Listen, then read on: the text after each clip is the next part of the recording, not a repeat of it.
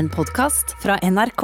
Alex Alexander er Norges største illusjonist. Han ble et kjent navn da han kom til finalen i Norske Talenter i 2010, og har siden bl.a. hatt sin egen serie på VGTV. Han har fått Maridalsvannet til å forsvinne, og han har turnert land og strand rundt i Norge og Europa. 19. mai i år mottok Alexander den prestisjetunge prisen Tiårets illusjonist i Las Vegas. Dette er Drivkraft med Vegard Larsen i NRK P2. Alex Alexander, velkommen til Drivkraft. Tusen takk, hyggelig å være her. Veldig hyggelig å ha deg her. Hvordan, hvordan har du det? Takk, jeg har det bra. Ja. Det har skjedd veldig mye i det siste, og jeg kom jo akkurat hjem fra Las Vegas. Og det er litt sånn fra en verden som har vært, føltes litt nedstengt, eh, til plutselig at ting, veldig mange ting begynner å skje igjen. Ja. Og ikke minst det at vi kan reise. Ja, Du besøkte nye Nasjonalmuseet i går. Ja, jeg gjorde det. Ja. Jeg liker eh, sånne ting. Jeg syns jo Oslo har blitt en fantastisk by. De gjør så mye bra i hovedstaden, og de, det er så mye kulturtilbud og mye som gjør at vi kan samles igjen. Så, og bare det å være der inne og se alle de forskjellige tingene og alt de har satt sammen der, det var veldig inspirerende. Er det, er det noe likhetstrekk mellom det du driver med, og det som henger inne på galleriet? Ja, det vil jeg jo si. Det er en historie. Det er en kunstform. Det er eh, følelser. Visuelt. Emosjonelt. Ja. Så absolutt. Blir du inspirert? Veldig. Ja. Veldig. Hvordan, hvordan kan et maleri inspirere? Jeg kan sitte og se på et maleri i timevis, Ja. Og bare se detaljer, og det høres kanskje veldig sånn klisjéaktig ut, men det, men det er faktisk sant. Det de sier er jo liksom hvis du stirrer på det, så ser du nye ting. Eller hvis du ser det flere ganger etter hverandre. Og jeg tror det er det samme med andre visuelle ting, og, og, og sånn for min del, med det jeg driver med, så er det jo også om at jeg kan gjøre det samme om og om igjen, men det blir aldri det samme. For hver gang så blir det litt bedre, eller jeg forandrer litt på det, eller sånn at det, det stopper liksom aldri den der prosessen med ja, jeg kan alltid, alltid bli litt bedre. Ja. Er det kunst, altså? Er det det? Magi, Ja. det er en kunstform, ja. ja. Hvorfor, hvorfor er det det? Nei, Skal vi dra det helt tilbake da det startet, så er det jo over 5000 år siden. I gamle Egypt hos farao Keops i pyramidene. Ja. Og der er det første de så hieroglyfer, du vet, sånne veggmalerier. Ja. Det var det første de noen gang har sett som det var en tryllekunstner som underholdt i hoffet til farao. Så um, det går helt tilbake fra den tiden. Og i dag, det har jo mange ting formet ting som vi kjenner i dag. F.eks. film og kino. Det var en illusjon. Det var et trylletriks, om du vil. Eh, og ja, opp gjennom historien så har det liksom alltid vært der og laget spenning. Og, og det som er i dag, det er jo det å hele tiden prøve å flytte grensene på hva som er mulig. Fordi at teknologi innhenter oss plutselig, eller tar oss igjen. Ja. For for noen år siden så var jo f.eks. et trylletriks eller en illusjon det var jo det at du kunne si Det her er jo gammelt, da. ikke sant? Du kunne si 'Open sesame', og så åpner dørene seg foran deg. ikke sant? Og så kan du gå inn. I dag så gjør dørene det på alle Rema 1000 og alle kjøpesenter. ikke sant? Sånn at teknologien eh, liksom tar, tar igjen magien. For utgangspunktet var det jo en illusjon. Utgangspunktet var jo trylletriks. Så, og, ja, men jeg, jeg syns det er spennende Jeg synes det er spennende å se liksom, utviklingen. Jeg liker utvikling. Og, og hele tiden prøve hvor, Vi må finne nye måter å gjøre det på. Nye måter å prøve å ikke, ikke lure folk på, men gi, formidle følelser og gi folk positive, morsomme opplevelser. Ja. Hva, hva, hva gjør en moderne illusjonist, da? Altså, hva, hva tenker du er liksom oppdraget ditt? Oppdraget mitt er, som jeg sier, jeg liker ikke å si at jeg lurer folk. Selv om noen sier at de føler seg lurt eller, eller sånn. Men, men jeg, jeg, jeg håper at det jeg gjør, klarer å ha en større impact. At du går ut fra forestillingen min og tar med deg en opplevelse og forhåpentligvis en følelse i hjertet som ikke du hadde da du gikk inn i salen. Ja, For det å lure noen er- har litt sånn negativt fortegn. Ja, jeg syns det. Og jeg lurer dem ikke for Jeg lurer dem ikke til å kjøpe billetter. Jeg lurer dem ikke for å Altså sånn Det, det er noe med å, å gi dem noe. Ja. eh, Og heller føle at det, det beriker på et eller annet vis. Jeg tror at hvis du ser en magiforestilling, da, som eh, som, som gir deg noe, så tror jeg kanskje det kan være med på å forandre livet ditt. Forandre livet. Ja, fordi i magiens verden så er ingenting umulig. believe in the impossible. Ja. Ikke sant? Det er det jeg gjør hver dag. Og det er det jeg også prøver å formidle gjennom mine illusjoner. Og måten jeg formidler på, er jo historiefortelling. Å fortelle historier fra mitt liv som publikum kan relatere seg til. Mye mer enn bare å liksom oh, look what I can do, og så vise de et eller annet flashy. Eh, jeg gjør det også, men jeg tror det, store bildet handler om å være mye mer til stede og at de som sitter i publikum, virkelig føler at wow, nå ble jeg litt kjent med han. Og åh, ja, det skal jeg tenke på. Litt sånn, Uansett hva du sliter med i ditt liv, eller, eller litt sånn, du glemmer litt hverdagens problemer og mas. Så det er en terapitime, nesten. Ja, på en måte. Men altså, den lille pausen, da. Ja. Jeg tror Spesielt nå etter covid så tror jeg det er kjempeviktig. Hva er det du forteller, da? Jeg kan eh, røpe én ting, eksempel. Eh, og det er en ting som jeg eh, gjør i alle forestillingene mine. Og jeg forteller om det første øyeblikket med magi i mitt liv. Og du tenker kanskje ja, det var den trylleboka som du leste i stad på introen her da jeg var fem år. Ja. Men det er faktisk ikke det. Det første øyeblikket med magi i mitt liv, det var første gang jeg husker at jeg så snø. Og nå ser jeg på ansiktsuttrykket ditt at oi, her er det et eller annet man kan relatere seg til. ikke sant? Ja. Og det er det publikum gjør når jeg sier det. Det er akkurat som det blir stille, og så er det plutselig ikke min historie lenger. Det er publikums egen historie. Som de begynner å tenke på. Ja, snø, ja, å, det var magisk. Og så drømmer alle seg litt bort til den gangen Ja. hvor de lagde snøengler, eller de hadde snøballkrig, eller bare husker at de satt inne på kjøkkenet og det snødde ute. Det er så magisk. Får du det til å snø, da? Og så setter jeg meg på scenekanten og viser hendene mine tomme. Nå skal jeg ikke gjøre det her inne i studio, selvfølgelig, men eh, Nei, det er så mye teknisk utstyr, det kan ikke bli vått, vet du. Og så skal jeg faktisk røpe det, og så kommer det snø fra hendene mine. Ut over hodene på publikum, og det blir kaldt i salen, og det blir blått lys, og du, du virkelig føler at eh, Oi, nå er du der ute på den vinterkvelden. Hva, hvilken lyd kommer fra salen, da? Eh, en sånn sukkelyd. Jeg vet ikke helt hvordan jeg skal Det er litt sånn åh, en sånn.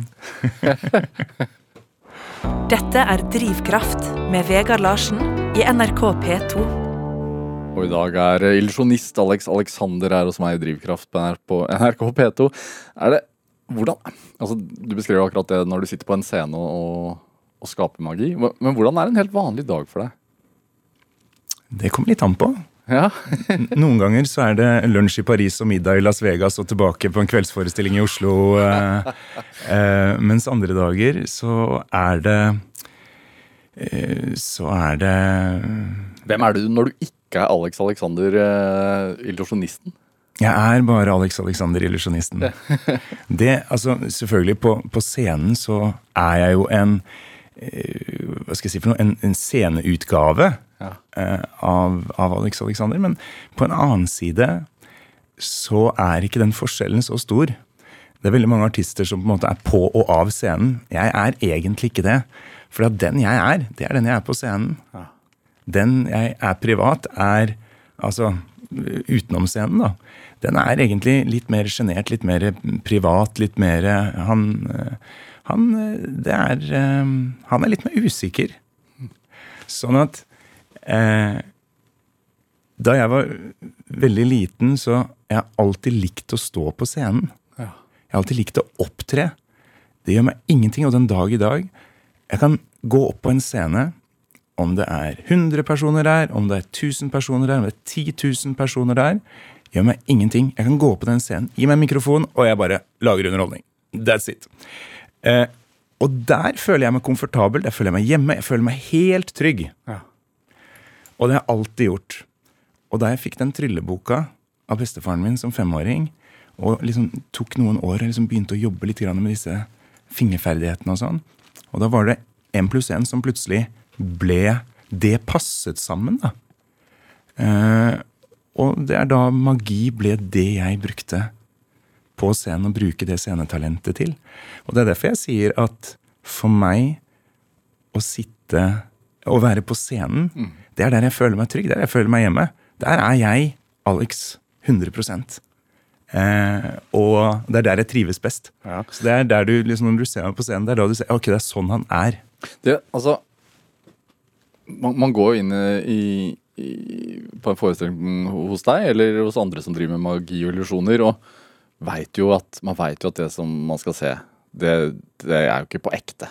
Man veit jo det. Men likevel så går man inn der med store forventninger og har på en måte inngått en kontrakt med at jeg tillater meg selv til å tro at det er ekte. Er det litt sånn? Ja, kanskje. Ja. Hvorfor tror du man har det behovet? Eh, Jeg tror vi mennesker har et behov å oppleve ting vi ikke alltid kan forklare eller forstå. Ja. Og kanskje nå spesielt etter covid, så tror jeg behovet har vært enda større på å drømme seg bort. Det å bli med litt f.eks. som i min forestilling. Du blir med inn i min magiske verden der ingenting er umulig. Og, og jeg har fått drømmen min til å gå i oppfyllelse. Jeg lever den hver dag. Og drømmer kan gå i oppfyllelse. Så jeg tror litt grann på det. Eh, Jeg, jeg, jeg tror vi mennesker tiltrekkes det som på en måte gir oss litt håp. Et håp om at selv om som du sier, ja, ok, det er, det er en måte han gjør det på, men vi ser det ikke. Men jeg tror allikevel det er, det er en større dimensjon da, enn en bare som jeg sa i stad, det å bli lurt. ikke sant? Det er litt som når man går inn i en kinosal. Man veit jo at det som skjer på skjermen, ikke er ekte, men man syns jo det er fantastisk når Supermann flyr i lufta for det. Ja, eller sånn som de aller, aller beste regissørene i verden som lager altså eksempel se på Disney, da. Eller Pixar, eller noen av disse tegne, animert film. De får voksne mennesker til å begynne å gråte. De klarer å dra ut de følelsene. av det. Du blir så glad i disse karakterene. ikke sant? Og det har inspirert meg veldig. Det, det er liksom sånne ting som jeg prøver å ta inn i det jeg driver med. Prøve å eh, liksom få folk inn i den stemningen og la det bevege dem på den måten, istedenfor at det bare er et show. Ja. Men du som veit alle svarene på en måte som står der, hvordan er det for deg? Du, fordi du blir jo ikke wowa. Du får ikke den, den følelsen av uh, uh, å forsvinne inn i magiens verden på, på et vis. For, for deg så Du må jo være så konsentrert. Det må jeg, men jeg får den opplevelsen jeg også. For jeg får jo wowen når jeg forsvinner. Eller når jeg plutselig dukker opp bak hodene på publikum, eller får en person i salen til å sveve. Det hender jo vi gjør. Og, så jeg, jeg får egentlig den wowen. Og jo mer jeg vet, jo mer kunnskap jeg har om det jeg driver med, eh, jo mer tiltrekkes jeg det, jo mer interessert blir jeg. Fordi det, som jeg sier, det handler hele tiden om å liksom, pushe grensene. Og det å prøve å ta det til det neste nivået, finne på nye ting som ikke har vært gjort før. Ta kunstformen og underholdningsformen videre. Men tilbake til det, da, til det å finne ut nye ting, altså til en vanlig hverdag. Mm. Har du noen sånne rutiner? Altså, hvor, hvor, hvor, hvordan jobber du? Sånn når du ikke står på scenen. Altså, hvordan er en arbeidsuke, liksom? Ja, Det kommer litt an på hva vi gjør, Ja. men stort sett så er vi er jo veldig mye ute og reiser. Og nå etter covid så er vi jo tilbake på, på veien igjen. Ja. Så jeg er stort sett og reiser onsdag til søndag, tilbake kanskje mandag. Og de andre ukene så er det mye intervjuer, det er mye planlegging, eh, en del strategier i forhold til PR og ting vi jobber med til de ulike stedene, både nasjonalt og, og lokalt på de stedene vi skal spille. Men det er når du er på turnélivet. Men sånn, hva skal man si, før du slipper dette albumet, for, å- for å bruke Mye, det er mye, Hvis vi skal ta det helt tilbake, der det begynner fra på tegnebrettet, er, det, Ja, ja. er vi der? Eh, så er det en idé som starter i mitt hode. Det kan starte med en låt jeg hører på radioen. Det kan starte med Som for eksempel Nei, altså, å, vanskelig å si. Eh, bare en, en eller annen eh, Jeg hørte på eh, Hva heter han eh, eh, og en gammel, gammel sånn eh, holdt jeg på å si smøresanger som jeg, som jeg hørte på her. Eh, og, og bare sånn, Det ga, bare ga meg en eller annen følelse. Jeg tenkte ah, det her må jeg, det her må jeg lage et eller annet til. Eh, og det kan være en film jeg ser på, så er det, blir jeg beveget av et eller annet ikke sant, som, som, eh, som skjer i filmen, eller, eller eh, soundtracket, scoret, som gjør at jeg får en eller annen følelse. Det, dette må jeg lage noe til. Har du et eksempel? Som, hvor hva det ført til hva en sånn opplevelse har ført til? Ja, et eksempel, en ting som jeg faktisk eh, jobber med nå, som handler om, om savn og en, eh, en gammel eh, en, Kall det en lost love, da. Eh, hvor jeg da selvfølgelig får eh, Fra ingen steder så får jeg da en jente til å dukke opp, og vi eh, gjør en dans. Jeg bruker dans også som et viktig element, og lys. Eh, og eh, er sammen med henne, men på slutten så forsvinner hun igjen, fordi at det var jo bare en drøm, eller var det ekte? ikke sant? Så og, og det, er der, det er egentlig der det begynner. Og så begynner jeg å sette sammen bitene. Jeg har veldig flinke folk til å hjelpe meg med både koreografi, scenografi, eh, lyd, lys, eh, alle de der elementene av teater. Eh, og så selvfølgelig eh, flinke folk i bransjen som hjelper meg å både hjelper meg å utvikle ting, skape ting. Jeg har et stort team som jobber med det. Det er ikke bare meg som sitter på gutterommet og, og gjør. Vi er jo et stort team etter hvert. Og har folk i USA som hjelper meg å bygge ting. Og, eh, og så setter vi dette her sammen gradvis. Men selvfølgelig, eh, det krever mye. Og det er mange feil. Noen ganger så er det bare sånn Nei, det funka ikke. Vi må prøve helt. Vi starter på nytt. På, tilbake på tegnebrettet, kast alt vi har gjort, og så bare begynne helt på nytt. Hvor lang tid kan det ta? Fra liksom start til du har uh, satt uh, punktum for et show? Du nevnte forsvinningen av Maridalsvannet i stad. Ja. Eh, den brukte vi litt over et år på. Og den rett før deadline klarte vi å få den ferdig. Rett før! Det var snakk om noen dager før. Eh, og et lite øyeblikk der så trodde jeg at vi ikke kom til å få det til. Nei. Men jeg tenker altså, nei, ingenting er umulig, vi skal, vi skal klare det. Men det var altså, vi måtte begynne helt på scratch bare noen dager før. Så mm, det, der var jeg ganske stressa. Det er veldig mye som skal klaffe. Ja. Og for å klare å få det der til også, det er jo ingen som noen gang har fått et vann til å forsvinne. Eh, og jeg tenker den utfordringen tar jeg. Men når jeg begynte å jobbe med det, så skjønner jeg hvorfor ingen har gjort det før. For at det var så å si umulig. Eh, men ok, vi prøver litt til, og vi kom opp med et helt nytt prinsipp som aldri har vært brukt i magi før. For at vi måtte komme opp med noe helt nytt, noe helt eget, for å klare å få det til. Ja, hva, Og det gjorde vi. ja. Et helt nytt prinsipp, hva betyr det? Så jeg skal fortelle deg hvordan jeg gjorde det. Nei, jeg vet ikke, det er sikkert ikke lov, Ja, jeg kan fortelle det. Jeg gjorde det veldig, veldig bra. Det var det jeg gjorde. Til slutt. Er det Det er forskjellig type magi Eller jeg lurer på en ting når du sier at eh, en del av showet ditt handler om the lost love. Mm. Hvordan er det å date en illusjonist? Ja, det er magisk. Vet du.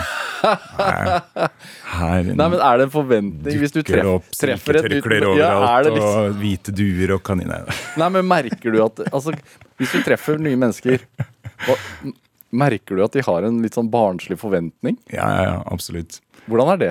Nei, altså det, det er jo morsomt, det. Og det er klart det er en del ting som ligger ute. Blant annet, jeg har jo øh, rappa bh-en til en del jenter. Ja. Eh, det ligger der ute på VGTV-serien min, blant annet. Eh, den, den blir stadig vekk brukt mot meg, faktisk. Så det er eh, altså, jeg, ikke noe problem. 15 års trening.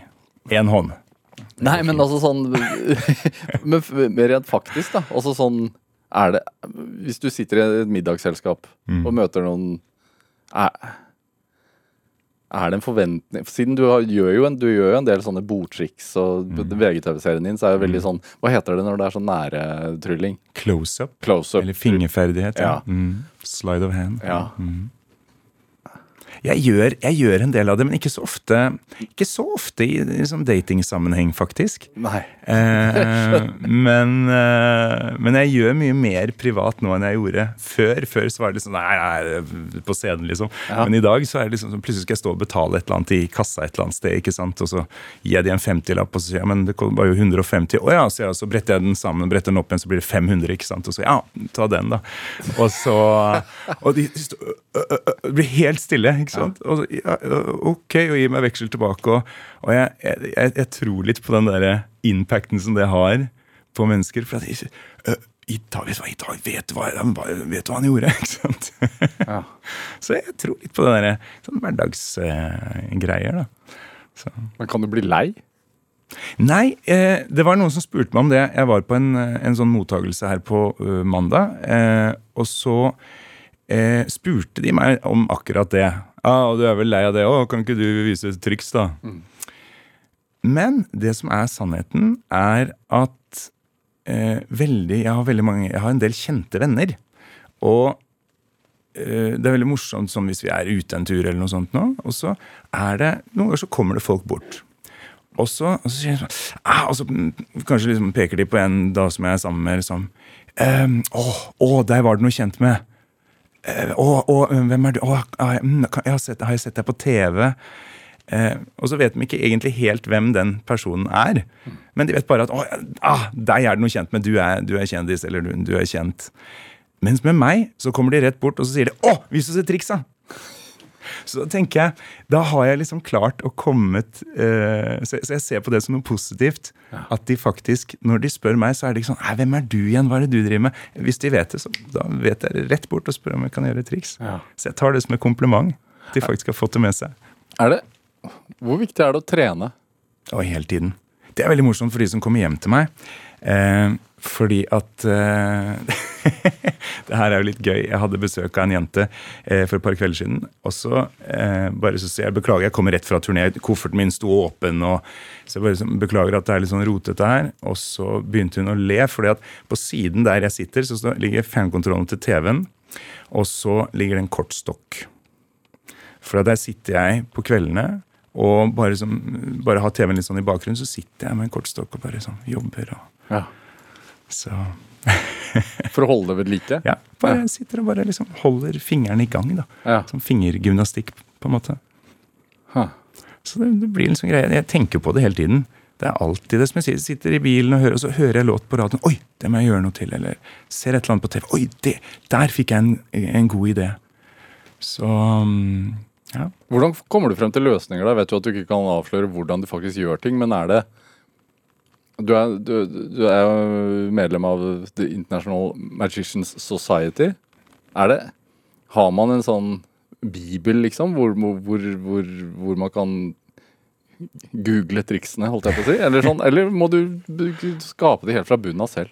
Litt sånn eh, begge deler. Vi, vi, vi, vi skaper en del, som du sa selv. Men det er også en del prinsipper som selvfølgelig også går igjen, som vi har gjort tidligere. Som vi prøver å kanskje Kan vi bruke det bare på en annen måte?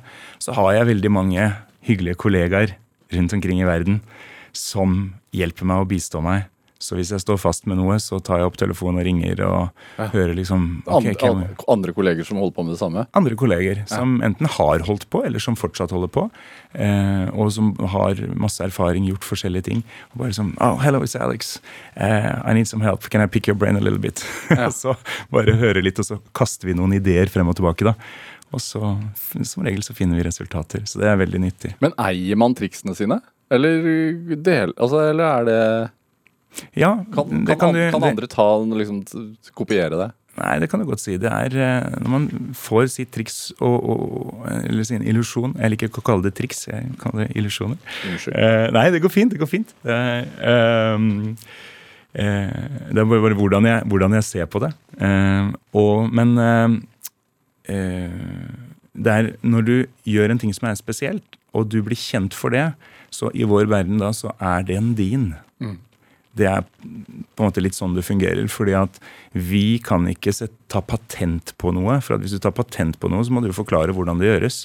Da må du forklare metoden eller hemmeligheten eller hva som er patenten. Og det er vanskelig i vår bransje. ikke sant?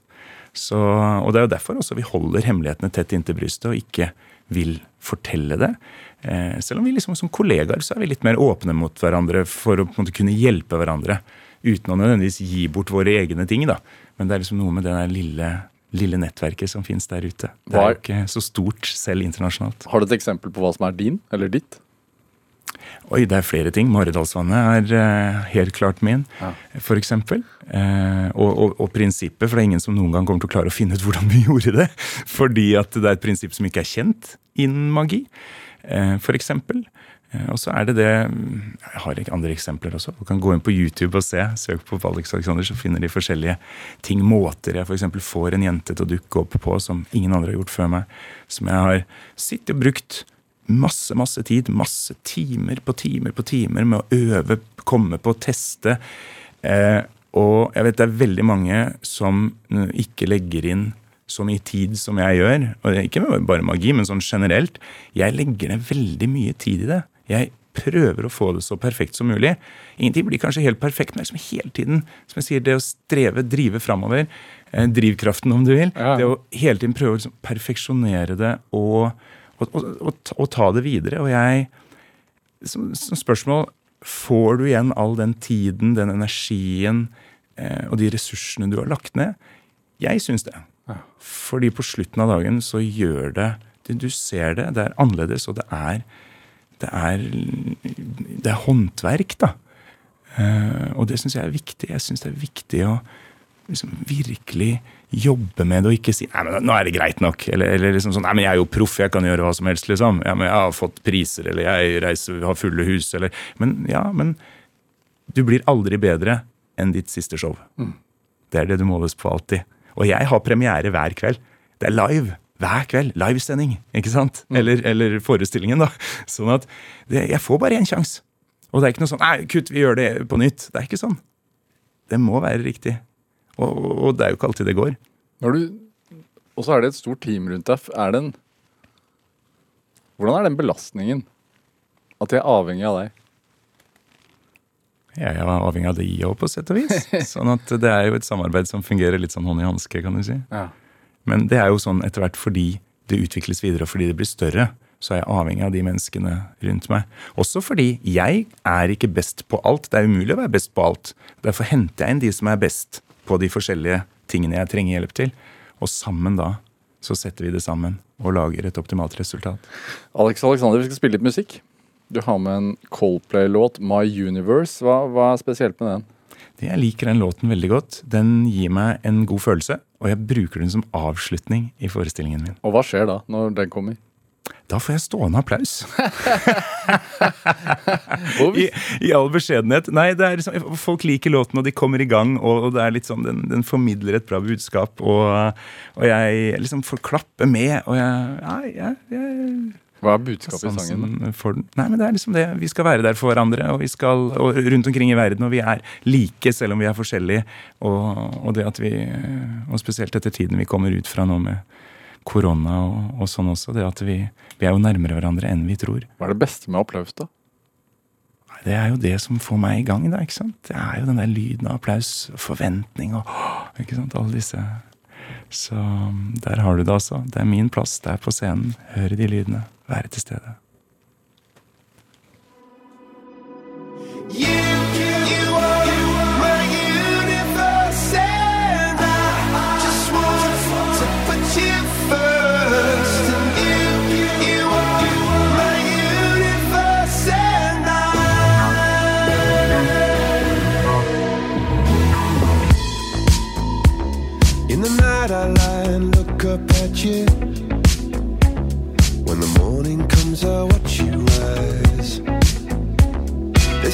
paradise they couldn't capture. That bright infinity inside your eyes. 매일 밤 내게 날아가 꿈이란 것도 잊은 채 나 웃으며 너를 만나 Never ending forever, baby.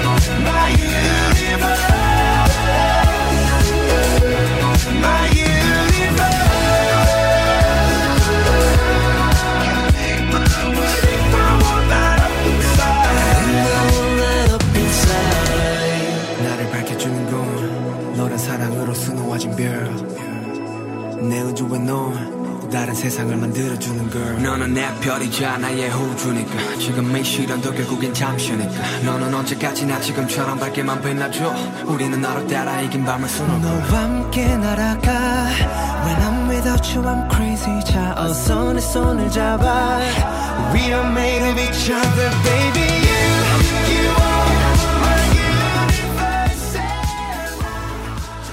Ja, Du fikk en eh, smakebit av Coldplays My Universe her i Drivkraft på NRK P2. Valgt av dagens gjest her i Drivkraft, nemlig illusjonisten Alex Alexander. Fra Tønsberg. Fra Tønsberg. Hvor... hvordan var du som guttunge? Jeg var um, annerledes. Hva vil det si? Jeg var han enstøingen. Jeg var han som ikke helt passet inn. Hvordan På hvilken måte da, tenker du? Altså, hvordan, hvordan husker du det? Jeg, jeg, var mye alene. Um, og og um, tidvis ikke ensom. Eh, jeg, sånn som eksempel den dag i dag også. Jeg trives veldig med mitt eget selskap. Jeg kan godt være alene. Det gjør meg egentlig ingenting. Fordi at livet mitt har egentlig alltid vært litt sånn. Hvorfor var det sånn, tror du?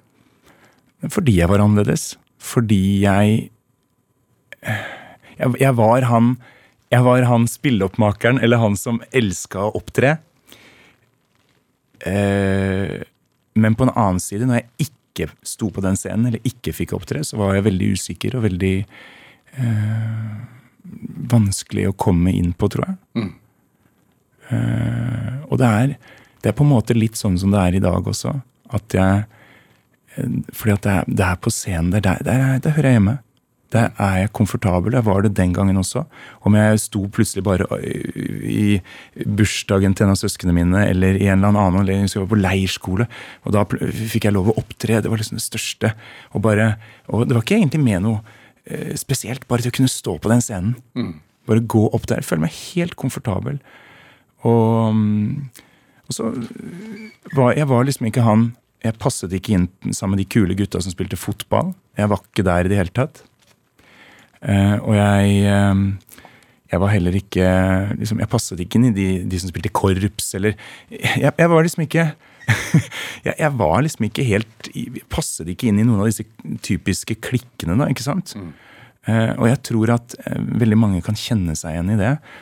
Um, så Men det føles jo også så, Som barn så er man jo veldig mottagelig for den opplevelsen. Altså det, man vil jo gjerne være innenfor som barn. mm, Det å stå trygt Mm. aleine er jo noe man man lærer seg med årene, liksom. mm. Hadde du, hadde du venner i det hele tatt? Du er et lett offer òg, vet du. Ja. Når, du. når du er annerledes og du er mye alene, da er det lett at de liksom skal begynne å plukke på deg. Hva sa du da? Nei, men, men det, er, det er sånn når, det er, når du er annerledes, så er det det, det er det de bruker mot deg, ikke sant? Ja. Eh, Fordi du ikke helt passer inn. Men jeg har jeg, absolutt jeg har hatt en fin oppvekst sånn sett. Jeg hadde, jeg hadde venner, men liksom noen få. Noen få som ble gode venner, som jeg var sammen med hele tiden. Aldri store, aldri store gruppene. Så Hva drømte du om, da? jeg drømte om å stå på scenen. Jeg drømte om å gjøre det. Hvem var det? Hadde du noen forbilder i tidlig alder? Altså sånn, fordi Var det popstjerner, eller hva var det?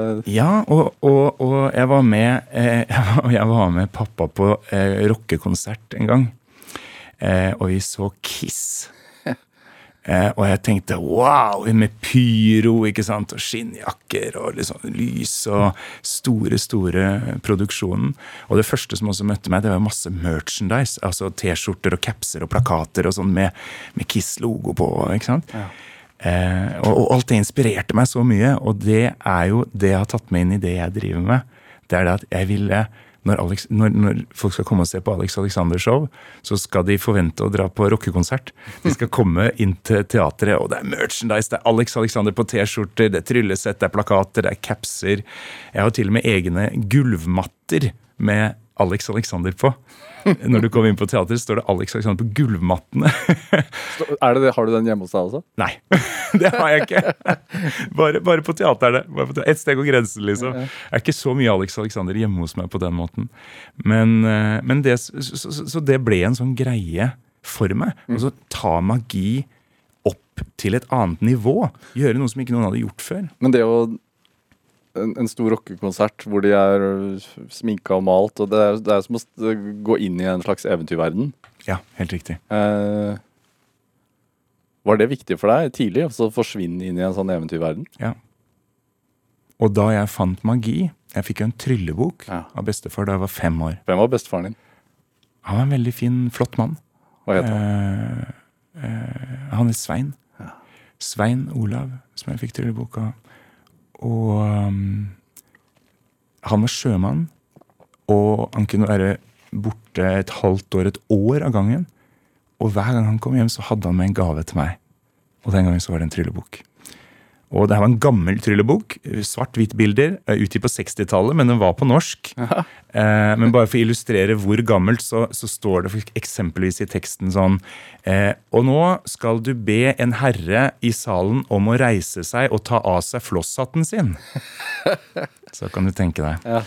Eh, og, men, men det inspirerte meg. Jeg Hva var det som var så fascinerende? fordi det var ting jeg kunne gjøre med helt vanlige ting jeg hadde hjemme. Det var med fyrstikker, med sånn, en kulepenn, med en mynt, eh, et lommetørkle. Eh, og, så, og, og så sto det hvordan, detaljert hvordan du kunne gjøre det. Og eh, Jeg var ikke så god på å lese, men jeg så på bildene. Jeg prøvde. Eh, og, og jeg brukte noen år på det. Prøve å utvikle det. Eh, og jeg kjøpte noen tryllesett. Så som mamma var med meg. Jeg kjøpte noen tryllesett. Og eh, Sto hjemme på rommet og øvde? hjem, hjemme på rommet helt alene. Og det var det som var hele greien. Jeg kunne gjøre det alene. Jeg kunne stå foran speilet helt alene og trene og øve og se at jeg ble bedre. Og her kommer punchlinen. Når jeg da viste det til klassekameratene mine, som egentlig ikke hadde noe interesse av meg, Når var det? så ja, det var eh, ja, Si det. I barndommen. Et eller annet sted der litt lenger ned, holdt jeg på å si. Eh, og så viste jeg de Når jeg øvd og øvd og øvd, Ja. så viste jeg de, og så sa de Wow! Hvordan gjorde du det? Og det gjør folk fortsatt. Ja. Og det Er det første gang du fikk anerkjennelse av klassekameratene dine? Ja, på den måten. Det var det som plutselig gjorde meg Plutselig et lite øyeblikk så var jeg populær. Ja. Og så kan du godt si at det kanskje ikke vedvarte så mye. Plutselig så ble jeg han rare tryllegutten. Men den, den følelsen av mestring, Ja. det å klare noe, og noe jeg kunne gjøre helt alene Jeg trengte ikke stå med de andre og spille et instrument, eller jeg trengte ikke å bli god og trene på å drible ball, eller, eller jeg, jeg kunne gjøre det helt alene. Så fikk jeg den responsen. Og det er jo det som har gitt meg Det ga meg så mye selvtillit. Og det er jo det som har vært med på å utvikle meg sånn som jeg er i dag. Eh, for det, det har gitt meg den derre pågangsmotet og den vet du, Å, jeg må bare jobbe litt hardere. Eh, så, så skal jeg klare det. Ingenting er umulig. Det er liksom virkelig blitt en, en, eh, en livsfilosofi, en way of life. da. Var det et ønske om å vise de andre også? Ja, for da fikk jeg jo opptre. Ikke sant? Da fikk jeg stå på den scenen. Men det handlet ikke egentlig om en, en sånn eh, Hva du tenkte på som en sånn payback time, liksom? Ja. Nei, ikke i det hele tatt. Aldri vært eh, hevnlysten eller eh, Jeg har bare tenkt jeg skal gjøre min greie.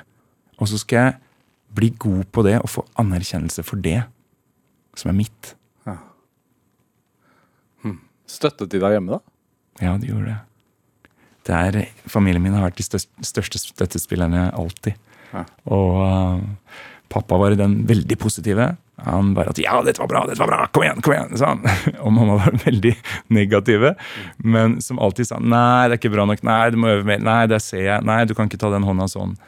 Eh, og jeg husker den gangen så var det litt vanskelig å høre, fordi du liksom, jeg har øvd, og så, eh, så er det noen som plukker det fra hverandre. ikke sant? Men i dag så er det jo det som betyr noe. Og i dag er det det jeg tenker på hver gang jeg tenker for meg selv. Nå er det klart. Nå kan jeg vise det. Så har jeg mammas stemme i bakhodet. Liksom, er det klart? Ser du den hånda? Må du øve litt mer? For det er jo det det handler om. Det er jo det. Det er den siste biten. De detaljene. Det er alt ligger i detaljene. Familien din ble jo ramma av en tragedie. Mm. Eh, 2005. Mm. Eh, moren din døde. Mm. Ble drept. Mm. Uh, hvordan er det for deg å snakke om? Det er veldig vanskelig for meg å snakke om. Uh, og noe jeg eh, Det er der hele tiden, men jeg, det er sånne ting som jeg egentlig ikke har lyst til å snakke så mye om. Eh, men det preger meg jo selvfølgelig hver dag. Det gjør det i, i alt jeg gjør. Og de har jo alltid stilt opp for meg. Så du kan jo tenke deg da jeg var 14 år, Mm. da startet jeg firmaet mitt. 1999. Og det samme året så avtalte mamma og pappa og jeg at pappa skulle slutte jobben sin som fabrikkarbeider og bli min sjåfør på heltid. Mm. Fordi jeg hadde så mye oppdrag. Og så de, de ofret bokstavelig talt alt. Og sø søsknene mine, jeg har jo tre yngre søsken, de var med meg på alle forestillinger. De var med meg på juleshow. Og jeg hadde jo oppdrag på, på ferjer og cruisebåter, jeg hadde oppdrag på høyfjellshotell. Og, og da når jeg var der og opptrådte, så, så var jo alt betalt for. ikke sant? I tillegg til at jeg fikk betalt for å være der. Så vi tok jo ferier eh, da eh, som familie, og, og det ble en familiegreie. ikke sant? Familiebedrift? Ja, på en måte. Ja. Så, og jeg kommer jo fra, Da jeg var liten, så hadde vi jo ingenting. Mamma og pappa sleit for å få endene til å møtes, og eh, pappa jobba ekstra skift på fabrikken. Og, eh, og så plutselig så begynte vi, eller jeg, da, med denne businessen og fikk familien involvert i det. Og mine småsøsken har jo aldri mangla noen ting. så, og det, men det, det ble vår greie. Så det er klart at med, med det som skjedde i 2005, så mister vi alt. Eh, og, men samtidig, i dag, så er det noe jeg tar det med meg i alt jeg gjør. Eh, og etter at dette skjedde, så husker jeg at jeg tenkte nå er det nok, nå skal jeg ikke miste mer. Så det ga meg enda mer mot og enda mer driv på å virkelig bare jobbe videre. Og klare det jeg har satt meg som mål. Så vi kan si min drøm da jeg var liten, det var å bli magiker, illusjonist, og reise rundt med mitt eget store illusjonsshow. Det var drømmen. Og det skjedde. Drømmen gikk i oppfyllelse. Så vi kan si for meg, om jeg står i Oslo konserthus, eller i Grieghallen, eller på et eller annet grendehus i, i Nord-Norge, eller om jeg står i Las Vegas, som jeg akkurat kom hjem fra, så, så spiller det ingen rolle. Det er ikke det som er drømmen. Drømmen er ikke Las Vegas eller europaturné eller Norge. Drømmen var å få lov å reise rundt og ha de showene og være Alex Alexander på heltid. Bearbeida du det noe? Drømmen. Nei, den sorgen. Sorgen, ja. Absolutt. Men jeg gjorde det med drømmen. Ja. Fordi det å være der ute og møte publikum, det ga meg den boosten. Det at jeg kunne fortsette å få lov å gjøre det. Og, og, og, og, ta det med meg, så ble det Det ble terapi. ja. Hvordan klarer man å ikke bli sint? Det er mange følelser øhm, Og det er mange følelser som var der da, det er mange følelser som er der nå. Men det jeg bestemte meg for, det var at jeg vil ikke at negativitet eller hat eller sinne skal få ødelegge for meg eller spise meg opp. For jeg tror at det, hvis du lar det ta for mye plass, så, eller misunnelse, eller liksom uansett negative ting, så, så, så Ja, det spiser deg opp. Rett og slett. Du blir bitter. Jeg vil ikke være bitter. Jeg vil være glad. Jeg vil, jeg, vil, jeg vil leve livet mitt, jeg vil ta vare på søsknene mine. Og jeg vil eh, være til stede. Og jeg har lyst til å prøve å inspirere og glede andre. Sånn at når andre ser, de kommer på forestilling eller de leser om meg, så kan de også tenke at 'han klarte det'. Da kan jeg òg. Uansett hva du sliter med i ditt liv. Når en liten gutt fra Tønsberg, eh, enstøingen som aldri passet inn, som i tillegg fikk verdens særeste hobby, eh, og plutselig så sto han i Las Vegas. Plutselig så var han anerkjent. Og som blir rammet av det verste som kan skje et barn, egentlig. Eh, og, og klarer å bevege deg, altså jobbe deg ut av det. Har du alltid hatt den innstillingen? Ja. Har du tenkt på hvorfor? Jeg tror det handler bare om sånn som jeg er, og oppveksten jeg har hatt. Jeg har hatt en kjempefin oppvekst. Mm. Og, og jeg, jeg er en glad person.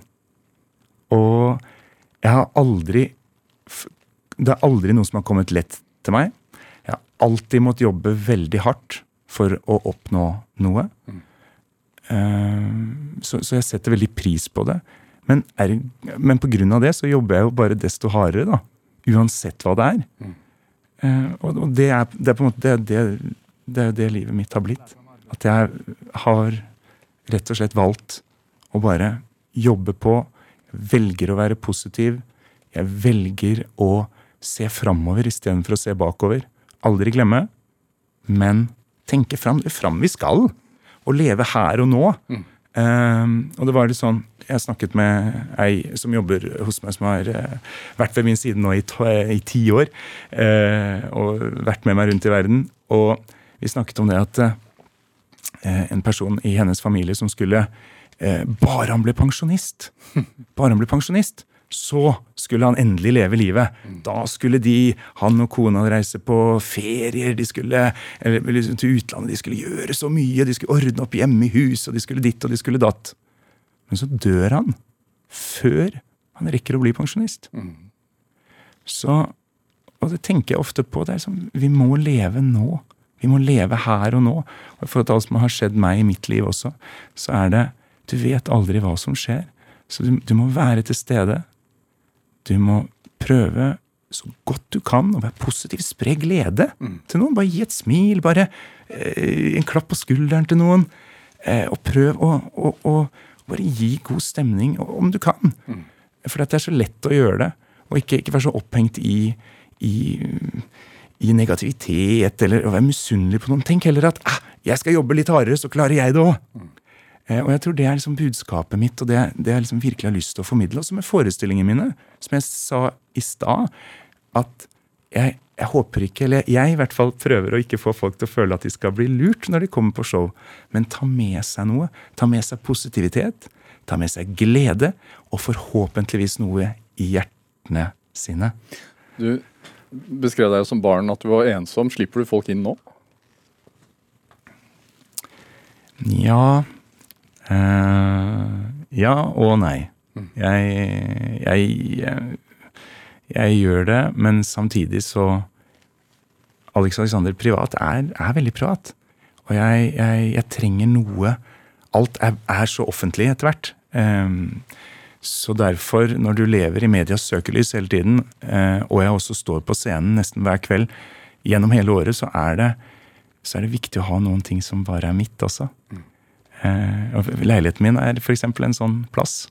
Eh, veldig mange som har spurt om jeg skal lage hjemme hos reportasjer, og de skal lage nyhetssendinger, og de skal lage til Nei, jeg har ikke lyst til å gjøre det Jeg har ikke lyst til å gjøre det hjemme, vi kan gjøre det et annet sted. Den, den, den illusjonen eller det stedet, den skal aldri avsløres, på en måte? Ja, det er liksom mitt lille krypinn. Der, liksom, der, der må jeg få bare lov å være, Alex Alexander helt privat uten, eh, uten noe. Du nevnte det at du akkurat var i Las Vegas. eh, mottok relativt høythengende pris innenfor magikermiljøet, vil jeg si. Eh, Enig i det? Stemmer det. ja, Tiårets illusjonist. eh, Hva slags pris er det? Det her er eh, Den blir omtalt som eh, magiens eh, svar på Oscar. Ja. Eh, Så Blir, blir stemt frem av medlemmene selv, eller hvordan er det? Dette er en organisasjon, verdens største organisasjon for magikere, som står i Guinness rekordbok, eh, som eh, har da et styre, board of directors, som eh, velger ut forskjellige i løpet av et år, for eksempel. Eh, forskjellige kategorier. Og nå, etter korona, så kunne vi jo endelig samles igjen. Så nå var det en stor bankett i Las Vegas. Hvor de hadde kommet inn fra hele verden. Mest kjente magikerne i hele verden. Shin Lim, som vant America's Got Talent, som har show i Las Vegas hver kveld. Han var der. Cyril fra Asia var der. Frans Harari, en verdenskjent illusjonist. Og masse, masse andre TV-produsenter og showprodusenter. Og det var en virkelig eksklusiv kveld. Og så har de da eh, valgt seg ut noen som de hadde lyst til å gjøre ære på. da som, med ulike titler, som vi alle sammen fikk pokaler, eller en, en statuett i 24 karat gull, med en magiker som drar en kanin opp fra en flosshatt. Eh, så, og jeg fikk da tittelen 'Illusionist of the Decade', for det jeg har gjort de siste ti årene. Gjort illusjoner som ingen andre har gjort før eller sett før. Eh, nevnte du, eksempel. Gjort eh, turneer i Norge, gjort turneer i utlandet. Eh, og eh, sånn som her under korona også, så eh, ville jo plutselig Kulturrådet at det jeg drev med, ikke skulle være kultur. Det klarte jeg å snu. Og jobbet veldig hardt med det for at det skulle bli akseptert som kultur og en kunstform i Norge. Og det fikk jeg til. Så alle disse tingene som, som jeg har gjort for å fremme magi og få magi ut til folket. Julekalenderen på NRK, Christiania Magiske Tivoliteater. Så jeg brukte to år på å være med og, og fikk inn magi i hver episode, nesten. Ja. Eh, Så at en helt ny generasjon får oppleve magi. Og jeg har jo sett gjennomsnittsalderen på en del av publikum, eh, publikummere nå har jo gått ned litt eh, av det. Og det er bare hyggelig det med unge, nye fans. Så Las Vegas, hvorfor er det liksom høyborgen? det er fordi at alt handler om underholdning. Det er eh, verdens underholdningshovedstad. Så, og det kommer nye mennesker hele tiden, og det er jo derfor jeg jobber meg dit. Eh, og har lyst til å gjøre noe framover der. Fordi eh, du, kan, du kan være der lenge. Sant? Være på samme sted, slippe å reise. Så mm, Nei, det er, det er spennende plass å kjenne nå igjen at, at, vi kan, at ting er åpent igjen. Bare det å reise, kjenne varme, kjenne litt på hele den og kunne være sammen igjen. Så det er masse spennende nå som skjer i USA framover. Det ser ut som jeg skal tilbake allerede til høsten. Er drømmen om å bli altså David Copperfield er kanskje en av de mest kjente tryllekunstnerne, eller magikerne i verden. Illusjonisten i verden. Er drømmen om å liksom ta den plassen? Drømmen er å være Alex Alexander. ja, men du skjønner hva jeg mener. Jeg tror jeg, tror jeg skjønner hva du mener. Eh, og jeg skal gjøre så godt jeg kan Ja. med alt det jeg, jeg kan. Og selvfølgelig, jeg har store drømmer, store mål og ambisjoner.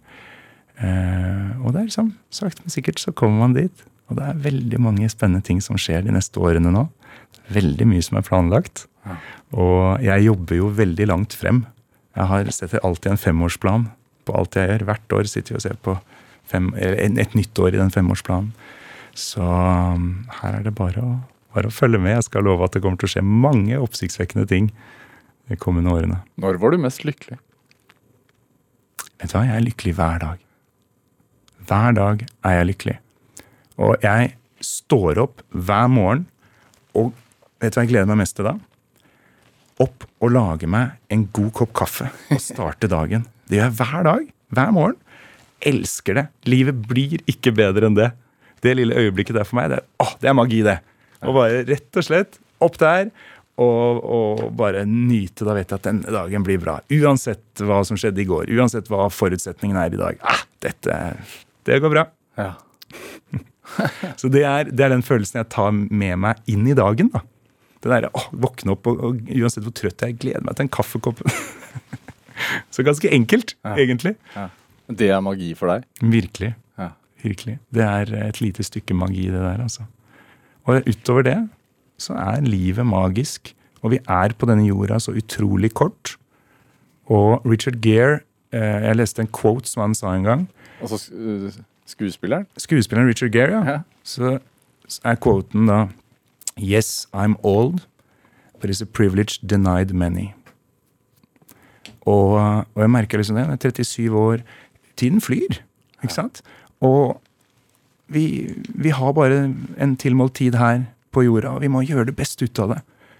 Og jeg eh, håper at jeg klarer å gjøre en forskjell. Hva med drømmen om det A4-livet, da? Aldri hatt. Hvorfor ikke? Nei, jeg passer ikke med stasjonsvogn og stakittgjerde. og jeg er, ikke, jeg er ikke den typen. Jeg er for rastløs. Jeg må ut og reise, jeg må ut og oppleve verden, oppleve mennesker, kulturer, mat. Elsker altså, folk, Vennekretsen min de, de mobber meg så mye, for jeg er så mye ute og spiser. Elsker å gå på restaurant. elsker å jeg bare, å, Gi meg opplevelser. Kan du lage mat, da? Ja, ja, ja, ja, ja. absolutt. Ja, ja. Jeg var i, jeg var i eh, finalen i Fire stjerners middag, og eh, ja da, Masterchef har faktisk også vært med på. Ja. ja. Så, så absolutt. Og, og jeg liker å diske opp hvis jeg får venner på besøk, f.eks. Eh, eller ja. Hva er det beste med å glede andre, da? Bare forventning. Jeg tror forventning er en, et nøkkelord. Før det skjer. Ikke sant? Hva som skal skje. En forventning der- inni deg, liksom? Ja, forventning inni meg, men også forventningen inni den personen. Ja. Ikke sant? Eh, for hvis jeg har en dame på besøk, ikke sant? og så kokkelerer kanskje noe, og hva, og jeg sier aldri på forhånd hva det blir, hva det skal bli, hva, hva jeg skal lage. ikke sant? Eh, og lar det bli en overraskelse. Og eh, liksom bare, det er bare noe med det også, å være, være til stede virkelig når det skjer, og ikke ha tankene dine på alt mulig annet. Bare nå er det dette som skjer. Her er jeg 100% akkurat nå. Alex Alexander, hva, hva tenker du er din store drivkraft? Min store drivkraft, det er livet. Og det er også mennesker, publikum. Det at jeg får den applausen kveld etter kveld. Men det er ikke applausen som er drivkraften. For meg så er det det jeg forhåpentligvis klarer å gi, som de tar med seg fra den salen etterpå. Og at jeg kan forhåpentligvis være til inspirasjon og til glede for andre. Tusen takk for at du kom hit. Takk for meg. Hør flere samtaler i Drivkraft på nrk.no eller i appen NRK Radio. Send oss gjerne ris og ros og tips til mennesker som du mener har drivkraft. Send en e-posten til drivkraft-nrk.no Vi hører veldig gjerne fra deg. Produsent i dag var Kjartan Aarsand, eh, og George Ofori bidro med research til denne sendingen. Dette var Drivkraft. Jeg heter Vegard Larsen. Vi høres. Ny podkast fra NRK P3. Jeg heter Silje Nordnes og har hatt kjærlighetssorg. Masse. Ja, du vil snakke om kjærlighetssorg, og hva som skjer når vi har det. ekstremt intens eh, opplevelse. Noe av det mest intense følelsesmessige man kan oppleve som menneske. Jeg skal helt ærlig si at det var fysisk vondt i hjertet. Hvorfor er det så jævlig kjipt? Og kan jeg, og vi alle, få trua på kjærligheten igjen? Kjærlighetssorg hører du først i appen NRK Radio.